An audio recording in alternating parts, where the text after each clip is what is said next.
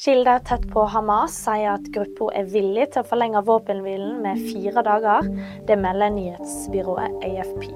Mandag ble våpenhvilen, som i utgangspunktet skulle vare i fire dager, forlenget med 48 timer. Dersom den ikke forlenges på ny, går den ut i løpet av dagen i dag.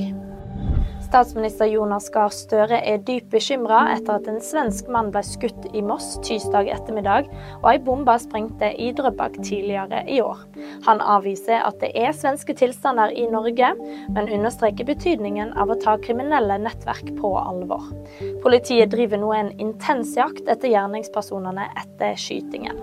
Hoppstjerna Maren Lundby stiller ikke til start i sesongens første verdenscuprenn på Lillehammer til helga.